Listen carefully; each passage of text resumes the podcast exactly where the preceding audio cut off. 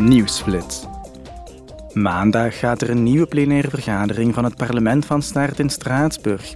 De parlementsleden zullen in debat gaan met vertegenwoordigers van de Europese Investeringsbank over het jaarverslag en de financiële activiteiten van de bank.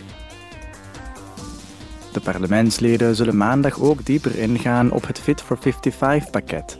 Op de agenda staan verschillende debatten en stemmingen, zoals over de uitrol van laadstations voor auto's en vrachtwagens, over groenere brandstoffen voor de zeevaart, over nieuwe doelstellingen voor energiebesparing en over strengere regels om de hoeveelheid industriële emissies te verminderen.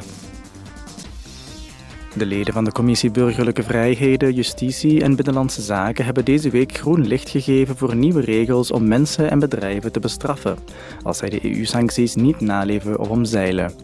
In de regels wordt een gemeenschappelijke definitie opgenomen van wat een schending precies inhoudt. Ook wordt voorzien in minimumsancties, zodat deze schendingen overal in de EU worden bestraft. EU-sancties zijn bijvoorbeeld de bevriezing van middelen en tegoeden, een reisverbod of een wapenembargo.